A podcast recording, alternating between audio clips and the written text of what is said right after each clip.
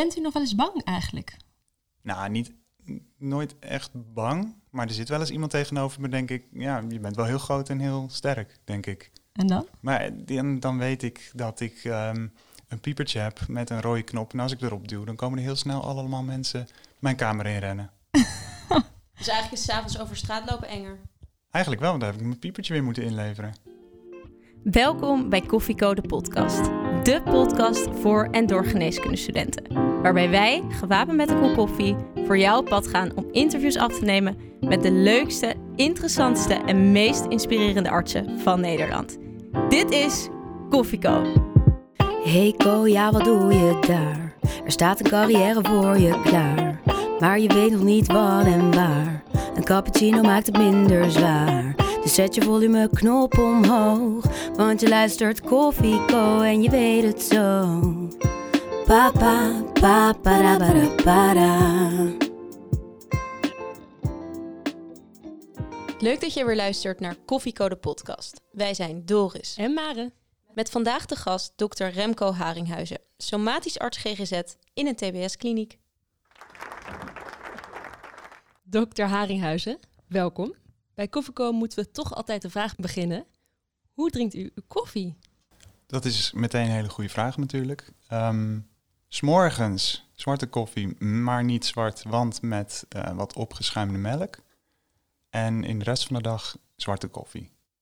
Oké, en in de TBS-kliniek hebben ze daar een beetje een fatsoenlijk koffiezetapparaat? Ja, dat ligt toch weer een beetje gevoelig. Dat is zo'n eh kantoor koffieapparaat. Dus eh, niet veel beter dan bij ons tijdens de kooschappen. Ik denk het niet. Ik denk dat het wel vergelijkbaar zal zijn. Ja, maar het is helaas zo dat ik het af en toe nodig heb om een kopje koffie te drinken. En dan neem ik hem gewoon uit die automaat. Toch eh, af en toe noodzakelijk een kopje koffie erbij. Ja, Goed. Nou, we gaan het straks hebben over eh, uw beroep. We zijn eh, hartstikke benieuwd. We zitten vol met vragen. Maar eerst willen we heel graag weten, terugblikkend op uw geneeskundeperiode. Hoe was u als geneeskundestudent? ja ik heb ook geneeskunde gestudeerd hier in Utrecht, waar we nu ook zijn. Wat ik me herinner van mijn, eh, van mijn studie is dat ik het heel erg interessant vond. Ik heel erg mijn best deed voor de studie. En dat het tegelijkertijd gedurende de studie steeds het sociale leven veel uitgebreider werd. Ik was lid van de studievereniging, maar ik werd ook actief in de studievereniging. En dat kostte eigenlijk steeds meer tijd. Dus de studiepunten gingen, de cijfers gingen iets omlaag. Het sociale leven ging omhoog. En eh, eigenlijk een hele leuke tijd. En als, eh, en als co-assistent? Dat is dan weer een hele andere tijd. En dat, ja, dat was gewoon eh, eh, heel druk. Heel veel, eh, heel veel in het ziekenhuis. En ehm, dan is er opeens weer veel minder tijd voor een sociaal leven. En wat vond je van de kooschappen? Nee, ik vond, het, ik vond het leuk. Ik vond het heel interessant. Maar ik vond het ook wel zwaar, moet ik eerlijk zeggen. Het zware vond ik eraan dat je ehm, eigenlijk nauwelijks gewend was op de ene afdeling en dan alweer naar de andere afdeling ging. En dat wij in die tijd eigenlijk weinig, eh, ja, we hadden, wij hadden weinig, voor, ik, voor zover ik me kan herinneren, weinig terugkomweken. Ehm, en dat miste ik. Ja, dat, als ik er nu naar kijk, denk ik, nou, dat had ik wel gewild. Is een weekje terug op de universiteit en dan weer voorbereiden op het volgende kooschap. En dan pas weer naar dat kooschap. Het was bij ons zo dat je vrijdag, bij wijze van spreken, in het ene ziekenhuis stond. En de maandagochtend je alweer moest melden in het volgende ziekenhuis. En dat vond ik er best wel pittig aan. Ja, best wel herkenbaar. En op een gegeven moment is de studie geneeskunde ook een keer klaar en studeer je af als arts. Hoe was dat? Hoe was dat moment? ja, dan, dan moet je het opeens zelf doen. En dat is dan toch weer heel anders, kom je dan achter. Ja, ik ging toen werken als eh, artsassistent, niet in opleiding, in Heerlen, bij de interne. En eh, ja, als je dan zelf opeens de recepten moet schrijven en jij bent degene die daar je handtekening onder zet en het moet ook echt goed zijn, dat is best wel heel spannend. Ja. Het vakgebied waar u uiteindelijk voor heeft gekozen en waar u nu werkzaam bent, ligt voor ons als geneeskundestudenten niet echt voor de hand. Eh, kunt u eens vertellen hoe u hier bent gekomen? Ja, ik zei net al, eerst interne gedaan. Ik vond alles leuk eh, tijdens mijn kooschappen. En dat heb je waarschijnlijk meer mensen horen zeggen. Alles was, vond ik interessant. Ik kon eigenlijk moeilijk een keuze maken. Totdat ik bij huisartsgeneeskunde kooschap liep en ik dacht van... hé, hey, maar deze arts die ziet ook alles een beetje. Dus het is eigenlijk wel leuk om dit dan te gaan doen. Dit is van alles een beetje. Toen ben ik huisarts geworden. Dat heb ik vijf jaar gedaan waarnemingen, veel diensten op de huisartsenpost. En in die tijd was mijn vrouw ook in opleiding tot gynaecoloog. En zijn we verhuisd naar Nijmegen, omdat zij daar een baan kreeg. En toen kwam er een vacature bij de GGZ voor een huisarts. En dat was ik, want ik dacht, nou, dat lijkt me wel interessant. Want psychiatrie vond ik eigenlijk ook al wel interessant altijd. Alles is leuk. Dus dan ga je, ja, toen ging ik dat doen. Plus, het was een baan die mij op dat moment goed uitkwam. Ik, had, ik heb samen met mijn vrouw twee kinderen. Op dat moment waren dat hele kleine kinderen. En dat kwam wel goed uit om een baan te hebben waarbij je uh, op tijd thuis kon zijn. Nou ja. En dat is nog steeds uw huidige werkplek? In, binnen, binnen die grote GGZ-instelling valt ook, daar valt de TBS-kliniek onder waar ik uh, nu werk. Daar gaan we het zo nog uitgebreid over hebben.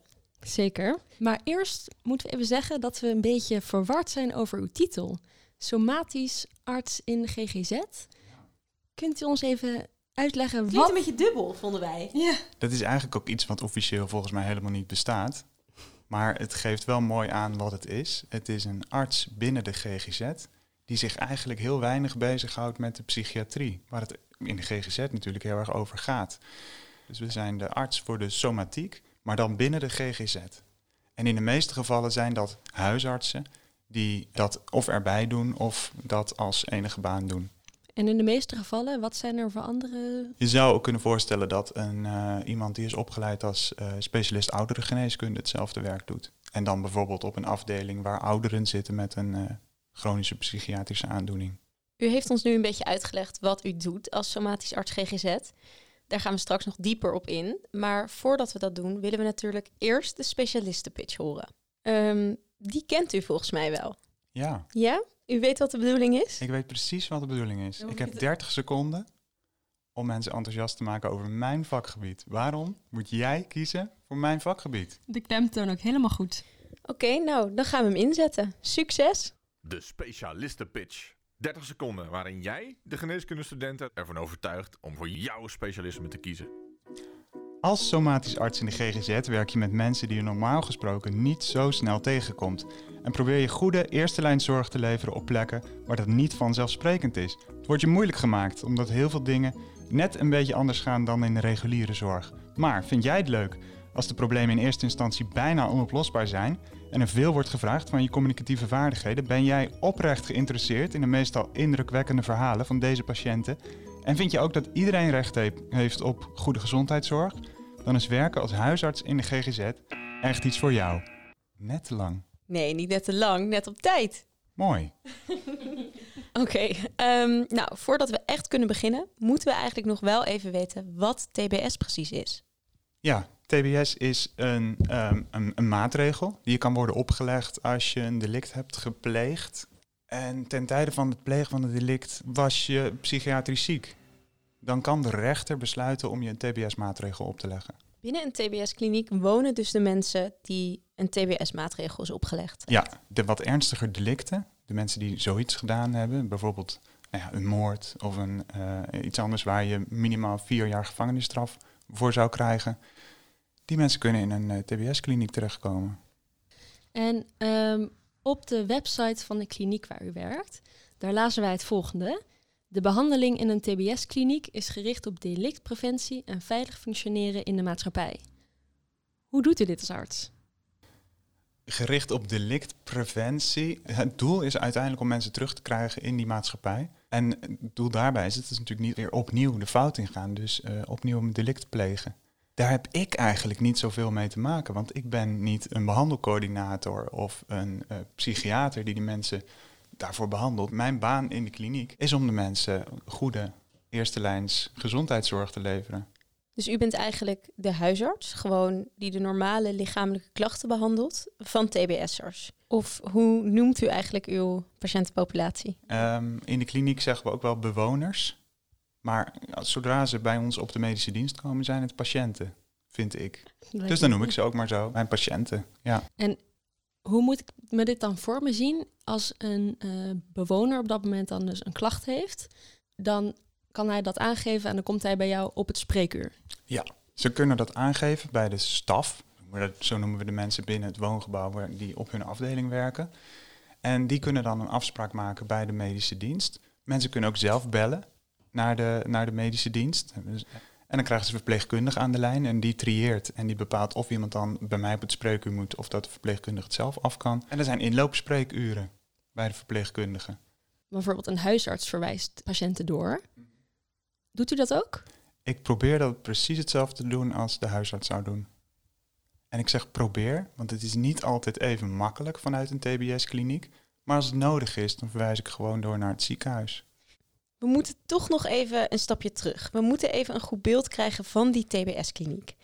Ik merk dat het voor ons, ja, het is zo'n onbegaan terrein. Ja, het mooiste was als je er gewoon een keer geweest was natuurlijk. Ja, eigenlijk wel. Maar onze luisteraars zijn er waarschijnlijk ook allemaal nog nooit geweest. Dat is waar. Ja, dus we moeten eigenlijk visueel nu een soort rondleiding krijgen. Ja, nou, dat ga ik, ga ik proberen. Ergens in Brabant, bij het dorpje Zeeland, ehm, zie je als je op een klein landweggetje rijdt, dan zie je een groot hek opdoemen eigenlijk. Prikkeldraad erbovenop, van die lampen ernaast en een toegangspoort. Als je daar binnen kijkt, dan zie je eigenlijk een oppervlakte van ongeveer 200 bij 300 meter. Op, die, op dat gebied staan een aantal gebouwen. Een daarvan is het woongebouw. Daar wonen de bewoners. Het zijn er ongeveer 100. Er is een gebouw waar ik werk. Dat is het eh, management- en medische dienstgebouw. Dan heb je nog een sporthal. Er is ook nog een houtwerkplaats, eh, bibliotheekje. Achter op het terrein staat een kapelletje. En verder staan er veel bomen, gras. En er is een, eh, een dierenweide Wauw. ook nog. Toch, als je er staat, als je er middenop staat, dan lijkt het best wel ruim opgezet. Dan is het best wel ja, landelijk gebiedje eigenlijk. Als je het hoge hek even wegdenkt. Nou, dat moet je wel wegdenken, want waar je ook staat, je, kunt altijd, je ziet altijd dat hek. Confronterend eigenlijk dat uw patiënten daar ja, eigenlijk altijd vastzitten. Eigenlijk wel, hè? In het begin toen ik er werkte, toen dacht ik, oh, dit is best wel uitgebreid. Dit is best wel, je kon een rondje lopen. Maar nou, naarmate ik er langer werk, denk ik, ja, zoveel is, stel het eigenlijk ook niet voor. En hoe is de sfeer dan in de TBS-kliniek? Ik vind het heel erg gemoedelijk. Ja, ehm, we vallen een beetje stil, want dat is niet wat de meeste mensen denken volgens mij. Nee, daarom ja, nodigen we mensen ook wel eens uit om te komen kijken. Het, het klopt eigenlijk nooit met je vooroordelen. Het klopte ook niet met mijn eigen vooroordelen toen ik ging solliciteren voor deze specifieke plek. En wat waren uw vooroordelen? Ik dacht ook, god, dan moet ik continu, uh, moet ik, dan is het spannend en dan moet ik op mijn hoede zijn en tralies, et cetera. Maar dat, het, is een, uh, het is een gemoedelijke plek, wat eigenlijk ook wel fijn is. Want je moet je voorstellen dat sommige mensen daar tientallen jaren zitten. Kun je voor ons eens een dag in jouw werkweek schetsen? Ja, ik werk er één dag in de week. En mijn collega, uh, een andere huisarts, werkt, werkt er ook één dag in de week. Natuurlijk niet zo voor een huisartspraktijk helemaal niet veel patiënten. 100 is super weinig. Dus twee dagen arts daar ter plekke, dat is genoeg. Ik ben dus benieuwd, als ik daar op donderdag kom, wat is er eigenlijk de rest van de week gebeurd? Dus dat is mijn eerste vraag aan de verpleegkundige van de medische dienst. Is er iets gebeurd? De overdracht gaat zeg maar over een week lang. Eigenlijk wel, hè? Ja, en soms is er weinig gebeurd, maar er zijn ook wel eens spannende dingen gebeurd. En ik vind het heel belangrijk om daarvan op de hoogte te zijn. Het bepaalt toch de sfeer van de, van de hele kliniek eigenlijk op die dag. En dan zijn er in de ochtend meestal zijn er, uh, zijn er wat patiënten voor mij gepland. Meestal op een dag, nou, ik denk gemiddeld een stuk of acht of tien. En dan krijg ik een kwartier per patiënt. Oh. Soms wat langer. Nou, relaxed zou ik zeggen als huisarts. Ja, als huisarts is dat heel relaxed. Maar zo relaxed wordt het ook weer niet, want je moet toch wel heel veel ook na die consult. Moet je gaan regelen voor die patiënten die je gezien hebt op consult. En smiddags is er ook wat meer tijd voor overleggen. Overleggen is heel belangrijk. Uh, we werken echt in een team, natuurlijk ook met alle andere mensen die er werken. Wie zijn dat? Nou, waar ik het meest mee overleg is, uh, de, uh, zijn natuurlijk de verpleegkundigen waarmee ik samenwerk op de medische dienst, maar is ook de psychiater die een stukje verderop in de gang zit. Um, de behandelcoördinatoren, dat zijn psychologen. En we overleggen ook wel met, met de staf van de afdeling of met andere mensen. Het ligt er maar net aan wat er aan de hand is. En u kunt natuurlijk goed vergelijken. U heeft ook als huisarts gewerkt buiten de kliniek. In hoeverre verschilt een spreekuur in de kliniek ten opzichte van bij de huisarts?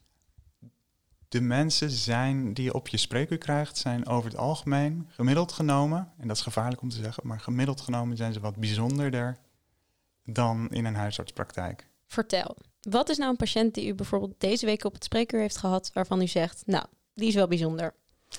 Nou, er is bijvoorbeeld een patiënt die, um, die slikte een uh, uh, alendroninezuur voor de, tegen de botontkalking. En ik zag dat hij dat al zeven jaar slikte. En ik ging overleggen met, eh, eh, met de internist of dat, eh, of dat gestopt zou moeten worden. En ja, dat was de bedoeling, dat het gestopt zou worden. Dus ik, dacht, ik nodig hem uit, dan gaan we daar even over praten. En, en deze man die vond het helemaal geen goed plan. Is heel erg gehecht aan zijn medicatie. Ik, ik kende hem al een klein beetje en ik wist dat hij iemand was met een autisme spectrumstoornis. Dus zomaar stoppen met iets, dat is dan lastig. Ik heb hem toen informatie meegegeven en eh, hij heeft dat meegenomen en een afspraak gemaakt voor een week later. Kwam hij terug op het spreekuur, keurig alles onderstreept waar hij vragen over had. En vervolgens zei hij, ja, ik ga er dus nog eens even over nadenken. En twee weken later kwam hij weer terug op het spreekuur. En toen hebben we de knoop doorgehakt. En was hij het inderdaad mee eens dat het goed was dat we gingen stoppen met dit medicijn.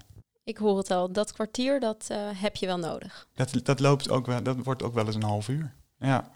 Het kan plus dat, eh, wat je net hoort, je hoort me al, al vertellen over eigenlijk drie consulten. Terwijl het in een normale huisartspraktijk waarschijnlijk één consultje is. Ja, en ehm, u zei net, de sfeer is gemoedelijk en u vertelt ehm, best wel enthousiast over, eh, over, over uw werk.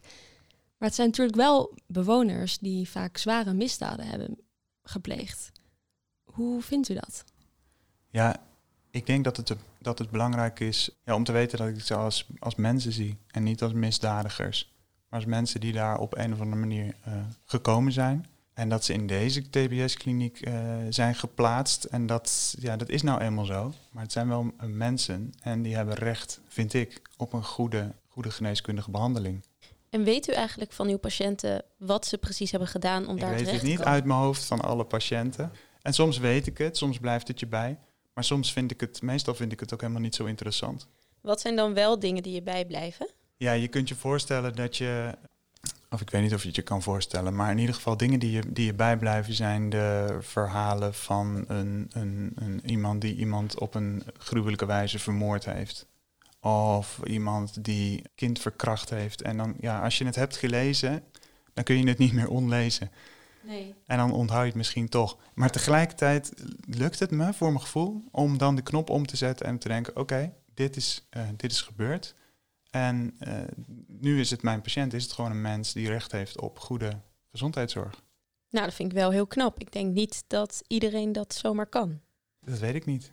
Maar als je het niet kunt en dat mee laat wegen in de manier waarop je, waarop je iemand behandelt als arts, dan moet je niet op deze plek gaan werken. Nee. Nee, dat klopt. Dus ja, wat zijn dan goede eigenschappen om te hebben als je in de TBS-kliniek werkzaam wil zijn als arts? Ik denk dat je, um, dat je ermee moet kunnen omgaan dat er allerlei mensen voor je zitten en dat die mensen in hun, in hun leven dingen hebben meegemaakt en dingen hebben gedaan um, die absoluut niet door de beugel kunnen. En die ook niet, niet goed te praten zijn. En dat, dat, dat is natuurlijk ook de reden dat ze daar zitten. Daar moet je dus mee kunnen omgaan. Dat is waar we het net over hadden. Je bent somatisch arts binnen de GGZ. Je moet denk ik ook wel echt wat met psychiatrie hebben. Ja, dat is wel heel belangrijk. Je er wel affiniteit mee hebben en het ook wel leuk vinden om te, te denken, ah, wat zou iemand eigenlijk uh, hebben en wat vindt de psychiater hier nou van? Ja. Um, verder is het, uh, is het gemoedelijk, maar het is ook wel eens spannend. En je moet dus ook wel uh, houden van een dosis spanning op de tijd. Oké, okay, nou, ik kijk even naar Mare nu, want volgens mij willen we hier nu allebei uh, op ingaan. Wat is het meest spannende wat u heeft meegemaakt? Um, wat, wat, wanneer het spannend wordt, is als je bijvoorbeeld als er iemand ziek is en in een afzondering zit, dus in een, uh, in een separeercel. Misschien ken je het wel. Het lijkt heel erg van hoe het in de films eruit ziet. Betonnen muren, klein celletje. Is dat hoe het eruit ziet? Zo ziet zo'n cel er van binnenuit. Er is niets, uh, totale afzondering. En dat kan voorkomen dat iemand daar heel kort uh, in zit. Maar als iemand daarin zit en koorts krijgt, dan wil ik wel weten, en dan willen we weten waarom dat is. Moet iemand misschien behandeld worden? Dus dan is het soms ook nodig dat een dokter daar lichamelijk onderzoek doet. En dat is wel eens spannend, omdat iemand zit daar op dat moment niet voor niks, zit helemaal niet lekker in zijn vel. En dan daar naar binnen gaan, natuurlijk niet zelf, maar met uh, twee mensen erbij of vier mensen erbij. Wauw, vier mensen. Vier mensen achter je, terwijl jij een bloeddruk aan het meten bent of een patiënt aan het onderzoeken bent, die heel goed meekijken. Ja, ik ben gewoon zo nieuwsgierig of datgene wat je dan weet van die patiënt, hetgene wat hij ooit iemand heeft aangedaan, of dat dan toch niet door je hoofd spookt op zo'n moment. Op dat moment niet. Nee? Op dat moment ben ik heel erg aan het kijken, hoe doet die patiënt? Is iemand geagiteerd naar mij toe? Of is iemand, wordt iemand onrustiger tijdens het lichamelijk onderzoek? Is het nog veilig voor mij? Ik let ook op wat er achter me gebeurt. Of mensen dingen tegen mij aan het zeggen zijn, of mensen mij aan het waarschuwen zijn. Dat kan natuurlijk ook. Dus heel goed kijken op dat moment, heel goed luisteren. Tegelijkertijd ook je werk doen. Dus gewoon goed lichamelijk onderzoek. En het komt wel eens voor dat, eh, dat we dan zeggen, we breken het af. Ja. En dat ik zeg, nou oké, dan proberen we het over een uurtje nog een keer. U leert wel goed werken onder druk in ieder geval. Nou ja, dat zijn de spannende momenten. Dus het is heel gemoedelijk, tijd voor mijn patiënten. Maar er zijn ook wel momenten dat, je toch, eh, ja, dat het wat spannend kan worden. En hoe zijn de patiënten naar jou toe? Vinden ze het fijn om bijvoorbeeld door jou gezien te worden? Of Ja, ik denk dat er eh, allebei zijn.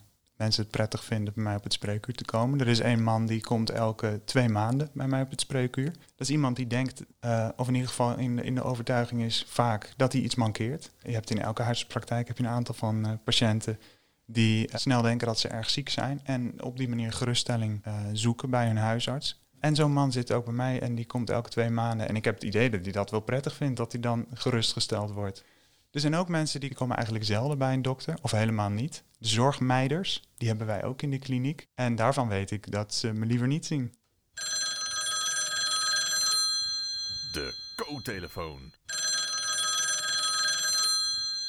Ja, ook deze aflevering is er natuurlijk weer een co-telefoon.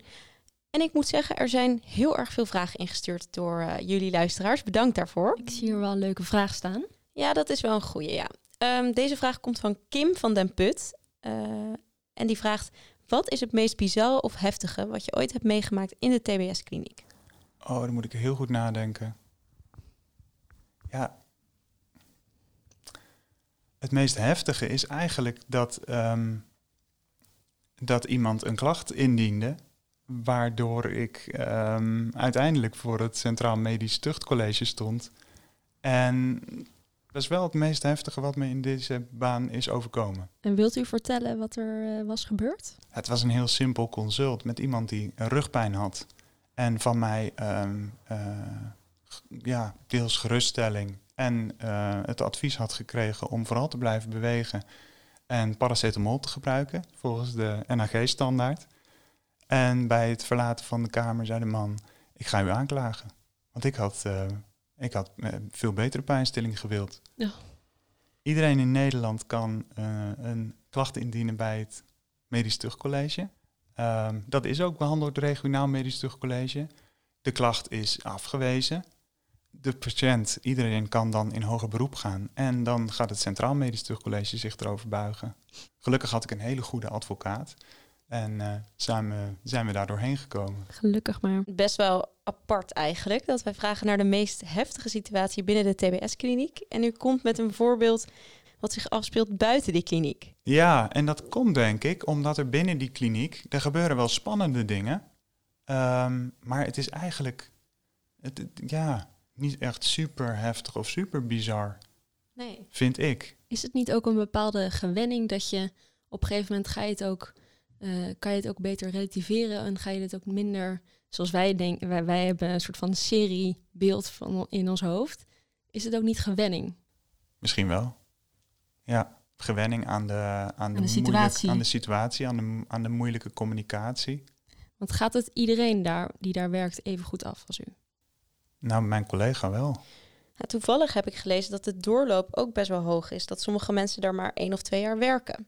Dat weet ik niet precies. Ja, ik werk er nu vijf jaar.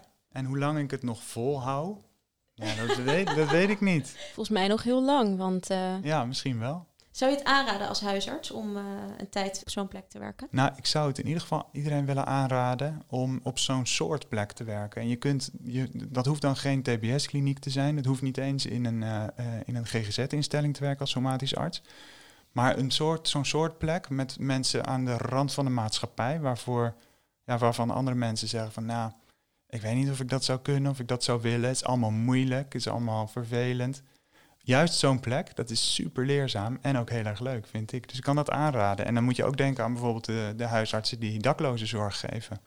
Of de huisartsen die in een eh, asielzoekerscentrum werken. Allemaal moeilijke communicatie. En dat soort plekken zijn er heel erg veel. Ik kan het wel iedere huisarts aanraden om dat in ieder geval een keer te proberen. Leuke uitdaging. Komen er wel eens co-assistenten kooschappen lopen bij u in de TBS-kliniek? Ja, nou, het is natuurlijk gevaarlijk om dit te zeggen, want het is, ik wil daar niet te veel reclame voor maken. Maar er zijn wel eens co-assistenten vanuit Nijmegen die een dagje met mij meelopen. Ja. En hoe uh, reageren ze? Meestal um, zitten zij ook vol met vooroordelen. En um, ja, zijn ze die na een dagje meelopen al voor een heel groot deel kwijt. Want zien ze eigenlijk ook in de spreekkamer, waar we het net over hadden, nou ja, wel bijzondere mensen, maar eigenlijk een heel normaal spreekuur. Nou, we zijn inmiddels veel te weten gekomen over uw werk in de kliniek. En één groot verschil met andere plekken waar dokters werken is dat er bij u ook sprake kan zijn van dwangverpleging.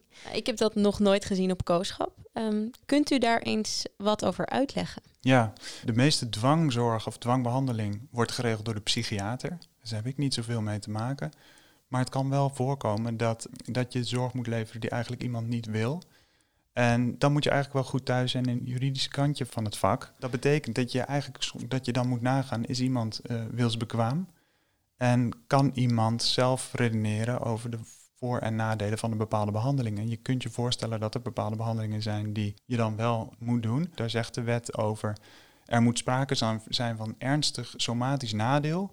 Wil je iemand tegen zijn zin in gaan behandelen? En wat is dan ernstig somatisch nadeel? Ik heb een patiënt en die heeft, een, uh, die heeft suikerziekte. is ontzettend slecht ingesteld. Hij krijgt insuline, maar weigert dat soms. En daardoor schommelt het heel erg en is het, is het gemiddeld heel hoog. En heb je dus een HbA1c van boven de 100. En wat je dan afvraagt, en wat ik me gelukkig niet in mijn eentje hoef af te vragen, maar wat we bespreken met die psychiater en met allerlei andere mensen, is: is dit nou ernstig somatisch nadeel of is dit het nog niet? Moeten wij, als deze man zijn insuline weigert, moeten we het hem dan toch geven? Moeten we hem vasthouden? Moeten we hem die naald in hem zetten tegen zijn wil in? En dat is, wel, dat is wel een reëel iets wat er aan de hand kan zijn. Het gaat meestal over psychiatrische medicatie. Ja. En, maar je kunt je ook voorstellen dat iemand bijvoorbeeld um, een, uh, uh, dat iemand naar het ziekenhuis moet, dat niet zelf wil. Ja, dan kom je ook, kan je ook in zo'n situatie terechtkomen. En speelt uh, medisch beroepgeheim dezelfde rol in de kliniek als buiten de kliniek? Ja, dat is wel een, dat is een interessant punt. Want um, je kan natuurlijk zeggen, nou, wat er binnen die spreekkamer besproken wordt, dat blijft binnen die spreekkamer. Normaal gesproken is dat natuurlijk bijna overal zo. Maar we behandelen wel met een team. En heel vaak is het voor de psychiater wel belangrijk om te weten als er iets uh, somatisch speelt. Um, en voor de staf, voor de, voor op de afdeling is het belangrijk om te weten wanneer iemand naar het ziekenhuis moet. Uh, dus je kan niet geheim houden als je bijvoorbeeld een colonoscopie krijgt en je moet je voorbereiden de avond van tevoren met heel veel Moviprep drinken. Ja, dat kan je niet geheim houden. Dus heel veel is wel bekend. En heel veel wordt als, uh, als behandelteam gedaan. Dus het medisch beroepsgeheim ligt, um, is natuurlijk heel belangrijk. Moet er goed over nadenken, moet goed weten wat de regels zijn. Maar ik, dat is wel iets wat, uh, wat anders ligt binnen zo'n kliniek. Ja, kan me voorstellen. En als een bewoner bijvoorbeeld zegt: Ik heb ru- op, op jouw spreekuur, ik heb ruzie en ik ga morgen mijn buurman slaan. Ja, dan, Wat doe je dan? Um, dan denk ik dat ik dat wel even overleg met de behandelcoördinator. Ja. En hoe zit het met uh, sedativa? Gebeurt dat ook veel? Patiënt heel onrustig is, kan je die bijvoorbeeld al doorgeven? Ja, nogmaals, dat doe ik dan weer niet. De psychiater regelt de psychofarmaca en daar vallen ook de sedativa onder. Oh ja. De haldol, de antipsychotica. En dat is eigenlijk een hele, uh, eigenlijk wel een handige scheiding voor mij. Um, ik heb daar minder verstand van, psychiater wel. Maar de psychiater geeft heel duidelijk aan, ik heb geen verstand van die somatische klachten, dat mag jij oppakken. Soms loopt dat een beetje door elkaar heen. Hè? En dan wordt het lastig, want uh, de psychiater geeft antipsychotica aan iemand die chron chronisch psychotisch is. Um, maar die veroorzaken een bloeddrukdaling. Dat kan. Dat is een bijwerking die bij sommige antipsychotica hoort. De patiënt wordt duizelig, valt om. En dan is de vraag aan mij, hoe komt, het, hoe komt die duizeligheid? Waarom valt deze patiënt zoveel? En dan kan er uitkomen dat dat komt door de antipsychotica die de psychiater geeft. Dus dan moeten wij in overleg van wat, wat vinden we? Kan er iets vanaf? Of moeten we iets anders verzinnen waardoor de patiënt minder duizelig is? Ik kan me voorstellen dat er een bepaalde discussie ook ontstaat tussen jou en de psychiater. Ja, natuurlijk ontstaan er discussies. Want wat is dan het belangrijkste? Is het belangrijk dat die patiënt minder psychotisch is en daardoor minder gevaarlijk is? Want misschien heeft deze patiënt in een vorige psychose, eh, toen hij nog in de maatschappij zat, wel iemand vermoord. Dat kan. Ehm, of is het, vinden we het belangrijkste dat die patiënt niet duizelig is en niet valt en niet iets kan breken en vervolgens in het ziekenhuis komt? Ja. Dat, is de, dat is de discussie. En ehm, meestal komen we er wel uit, gek genoeg. Want het lijkt, als ik het zo vertel, lijkt het een onoplosbaar probleem. Maar meestal valt er wel wat te verzinnen. Met een of een ander soort medicatie of iets anders, ehm, waardoor de patiënt minder duizelig is. Of soms is het zo simpel als eh, dat ik de patiënt nog eens goed uitleg van, als je duizelig wordt als je opstaat, probeer nou eens rustig op te gaan staan. Ga eerst zitten op bed en dan pas gaan staan. En bij sommige mensen valt dan het kwartje en die komen dan terug en zeggen, dokter, dat was een gouden tip. Nou, daar heb je dan eh, zes jaar geneeskunde voor gestudeerd. Nou ja, zo simpel kan het zijn. Ja. Ehm, voor veel bewoners in die kliniek is er toch vaak een onuitzichtloze situatie. Eh, patiënten die hun leven lang gaan doorbrengen opgesloten in die kliniek. Maar is er ook nog een toekomst voor bewoners? Ja, ja zeker. Als, als mensen TBS opgelegd krijgen door de rechter, dan is dat niet een, een, een uitgemaakte zaak dat je daar dan de rest van je leven zit in zo'n TBS-kliniek. Elke twee jaar wordt gekeken, en, elke één of twee jaar zelfs, wordt opnieuw door de rechter besloten of een TBS nog wel opgelegd blijft. Het kan dus dat, dat er ook weer afgaat. Nou, je moet eigenlijk zo zien, de kliniek waar ik werk, daar komen eigenlijk pas de mensen in de langdurige zorg als er al een aantal behandeltrajecten zijn geweest en die zijn niet goed aangeslagen. Maar ook vanuit de kliniek waar ik werk kunnen mensen ook weer terug naar zo'n behandelplek. En op een gegeven moment kan de rechter ook besluiten, nou, of het, het lijkt erop uit alle onderzoeken die er gedaan zijn, alle inschattingen die de psychologen, psychiaters gemaakt hebben, dat u weer terug de maatschappij in kan. En dat gebeurt ook regelmatig. En bent u het er altijd mee eens? Of denkt u soms wel eens, nou, deze zou ik nog niet, uh, nog niet vrijlaten, om het zo maar te zeggen? Het is lastig om daar persoonlijke mening over te hebben, wie je wel of niet in de maatschappij mag hebben. Ik vind dat, ik ben heel blij dat ik die beslissing niet hoef te nemen. Maar dus eigenlijk heb je er wel een mening over. Want je zegt, ik ben blij dat ik de beslissing niet hoef te nemen. Nou, ik denk wel eens van, van iemand die ik op het spreekuur heb, denk ik wel eens van, nou, ik, vind, ik ben blij dat hij hier zit. En dat hij niet mijn buurman is. Uh, Oké, ik, ik krijg alweer helemaal de rillingen. Of niet? En waarom? Ja, omdat, omdat ik dus waarschijnlijk niet zo goed ben om dat van me af te kunnen zetten. Wat iemand, nou ja, wat iemand, iemand anders heeft aangedaan in zijn leven. Ik denk ook dat het heel erg te maken heeft met hoe jij er naar kijkt. En denk, omdat u veel ervaring heeft, denkt u ook, gelooft u meer in een tweede kans bij mensen? Daar geloof ik absoluut in. Ik vind dat je iedereen een tweede kans moet, uh, moet geven. Ook als er zoiets ergs is gebeurd? Zelfs dan. Tegelijkertijd zeg ik, we moeten heel goed kijken naar hoe iemand dan in elkaar zit. En je weet het nooit 100% zeker. Maar ik denk dat iedereen een tweede kans verdient. Sowieso. Dat vind ik een hele mooie instelling. En ik denk dat uw patiënten ook heel blij zijn met zo'n dokter. Want ja, dit is ook de taak van de dokter. Zeker. Dat vind ik wel, ja. Dat is eigenlijk is dat eet die je hebt afgelegd. Ja. Zou het niet, ik zit er nu over na te denken, als arts moet je natuurlijk objectief zijn. Zou het niet beter zijn als je helemaal niet zou weten wat de bewoner gedaan heeft? Dat zou je denken, maar soms vind ik het wel fijn om te weten. Ik vind het bijvoorbeeld wel fijn om te weten of iemand een geweldsdelict heeft gedaan. Of, ja, dat is toch, vind ik toch een verschil met iemand die er zit vanwege kinderverkrachting. Noem maar iets. Waarom? Omdat een geweldsdelict kan ook een geweldsdelict tegen mij worden. Dus als uh, ik weet dat iemand een geweldsdelict heeft begaan, en met name als het een geweldsdelict is geweest tegen een, uh, een hulpverlener, dan ben ik toch meer op mijn hoede. Ja, ik ben wel eens op mijn werkplek gekomen, morgens. En nadat ik dus vroeg van, goh, hoe was het deze week? En uh, laat ik mijn mails gaan checken, zag ik dat er een briefopener bij de computer lag. En dacht ik, nou, ik denk dat ik hem maar even wegleg. Oh ja. ja. Dat soort dingen, daar moet je wel goed naar kijken. Dus die, ja, dus je moet daar, je moet daar uh, scherp op zijn dat je, dat je let dat, dat, dat je wel ook de risico's zo min mogelijk maakt voor jezelf.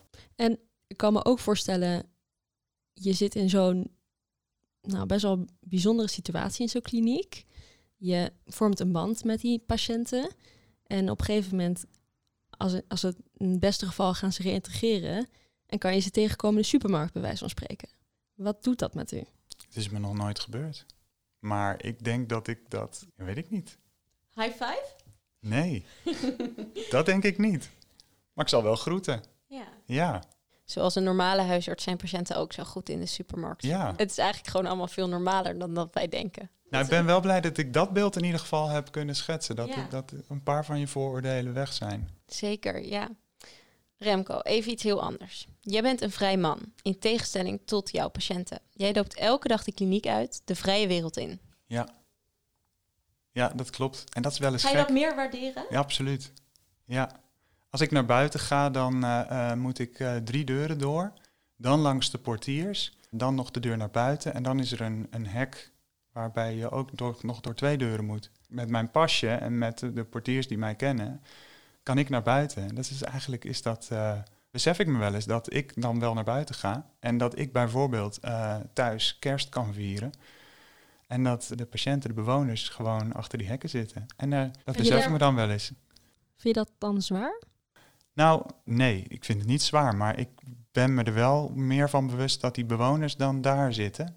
En ben ook wel mee, mee bezig, soms ook in de spreekkamer, wat dat, dan, wat dat dan met ze doet. Ik voel me ook wel eens bezwaard om dan te zeggen van, ja, ik ben op vakantie geweest. En dan vraagt zo'n patiënt van, ja, waar ben je geweest dan? En dan, dan zeg ik, ja, ik was in, eh, eh, ik was in Frankrijk. En, eh, want dat vind ik toch ook wel weer leuk om, nou, niet met heel veel details, maar om een beetje over mijn eigen leven te vertellen. Om gewoon een gesprekje te hebben met de patiënten, zoals je dat als huisarts ook doet. En dan zeg ik wel eens, ja, ik zit het wel te vertellen, maar u kan helemaal niet op vakantie. Maar dat vinden de meeste mensen dan ook wel gewoon wel leuk om van jou te horen waar jij geweest bent. Die gaan dan een beetje mee in de fantasie. Ja, misschien wel. Heb je wel eens medelijden met jouw patiënten? Soms wel, ja. Ja. En eh, ja, ik denk wel eens van, eh goh, het is toch wat als je hier zit. Sommige mensen zijn jonger dan ik, zitten dan al heel erg lang in dat TBS-systeem. En dan denk ik wel eens, nou ja. En het is natuurlijk omdat ze iets verschrikkelijks hebben gedaan en omdat ze behandeld moeten worden voor een psychiatrische stoornis. Maar toch, als je daar toch zit, heb ik wel een soort van eh, medelijden. Ja. Neem je dat ook mee naar huis? Zit je er nog wel eens mee thuis in gedachten? Zelden. Nee, dat komt eigenlijk niet zo vaak voor. Ik denk dat als dat heel erg zo is bij je. Ik kan me wel voorstellen dat mensen dat hebben, maar als je dat heel erg hebt, dat je dan misschien ook weer niet op de goede plek werkt. We gaan naar lichtere kost. We gaan namelijk naar het doktersdilemma. En in het doktersdilemma geven we jou twee opties waaruit je mag gaan kiezen. Het doktersdilemma. Het leven bestaat soms uit lastige keuzes. Denk niet te lang na en geef snel antwoord. Het delict of de patiënt? De patiënt. Rust of drukte? Rust. Somatisch of psychiatrisch? Somatisch. Onderwijs of patiëntcontact? Patiëntcontact. Uitgebreid koken of uit eten in een restaurant? Uitgebreid koken. Gynaecoloog of MDL-arts? Gynaecoloog natuurlijk. Prison Break of Orange is the New Black? Orange is the new black. Formeel of informeel? Informeel. Zelf interviewen of geïnterviewd worden? Zelf interviewen. Een thriller of een romcom? Dan de romcom. Ja? Ja. In het echte leven achter de schermen bent u niet zo van de, van de spanning? Nou, ik hou er niet zo van om ehm, dingen eh, die ik op mijn werk meemaak, om dat ook nog eens op televisie te moeten gaan kijken. Ja, je ziet dan misschien een lijk liggen en dat soort dingen. En, en, en mensen die vreselijke dingen hebben gedaan. En denk ik, nou ja, daar heb ik wel weer genoeg over gelezen en over gehoord. Ja, dat kan ik me goed voorstellen. En hoe is dat dan? Want er worden heel veel films en series over gevangenissen eh, gemaakt. Hoe is dat om te zien? Ja, ik heb wel eens eh, inderdaad een film gezien en dan ehm, klopt het gewoon niet altijd. En dat is, eh, ja, dat is soms wel een beetje irritant. Ja. Nou ja, irritant. Het is, eh, dat klopt gewoon niet. En dan wordt er soms een beeld geschetst en neergezet. wat eigenlijk appelleert aan de vooroordelen die mensen hebben. En die vooroordelen wil ik juist een beetje wegnemen. Wat vindt u dan het ergste vooroordeel? Ja, dat het een, een hele kille omgeving is. Waar ehm, met, met alleen maar muren en tralies. En dat zie je wel eens. Als op die manier een TBS-kliniek in beeld wordt gebracht. En dan denk ik, nee, het is ook een hele. In het echt is dit een hele menselijke omgeving. Waarbij we echt oog hebben voor de kwaliteit van leven. Zeker in de, in de langdurige zorg waar ik werk. En ehm, ja, om dan alleen maar betonnen muren en tralies in beeld te brengen, dan dat, dat klopt gewoon niet. Vind je dat er dan niet genoeg aandacht van de media is voor de positieve dingen? Dat, ehm, ja, dat schort er nog wel eens aan. Ja, en het is natuurlijk ook wel logisch, want ehm, de media heeft er veel aandacht voor. En misschien ook wel terecht als er dingen misgaan. Als iemand uit de TBS komt en weer de fout ingaan. Maar niet als het gewoon goed gaat. Terwijl in de allergrootste deel van de gevallen gaat het goed. En lukt het om iemand weer die maatschappij in te krijgen. Op een goede manier. En dat diegene ook er niet de fout in gaat. We eindigen op een hele positieve noot. En dat lijkt me goed. Maar voordat we echt eindigen, is er altijd nog een laatste belangrijk iets. Dat is namelijk de tip. Wat wil jij alle toekomstige artsen meegeven? Ja, wat ik, wat ik wil meegeven is dat um, je echt niet alles hoeft te kunnen als je klaar bent met die kooschappen. Je hoeft echt geen perfecte arts te zijn. Ik denk wel dat het goed is om aandacht te hebben gehad voor natuurlijk die communicatie en de andere basisvaardigheden die je allemaal nodig hebt, die elke arts uh, heel erg nodig heeft. Maar dat je eigenlijk je hele leven lang nog van alles kan leren. Als je daar open voor staat, kan je, moet je misschien wel je hele leven blijven leren. Dus je begint in je, ja, aan het begin van je studie, in je kooschappen leer je heel veel. Maar je hoeft er niet bang voor te zijn dat je dan, dat je dan klaar moet zijn of zo. Dat vind ik een hele mooie tip. Uh, Dank je wel daarvoor. Die steek ik zeker in mijn zak. Daarmee sluiten we dan ook gelijk het interview af. Dokter Haringhuizen, hartstikke bedankt dat u uh, te gast wilde zijn bij Kofko de podcast. Luisteraars, jullie ook bedankt voor het luisteren. Mochten jullie nou nog graag een specialisme horen of iets uh, graag nog willen weten, laat het ons vooral weten. Laat een comment achter. En uh, dan zien we jullie de volgende keer bij Koffiecode Podcast. Pa, pa, pa,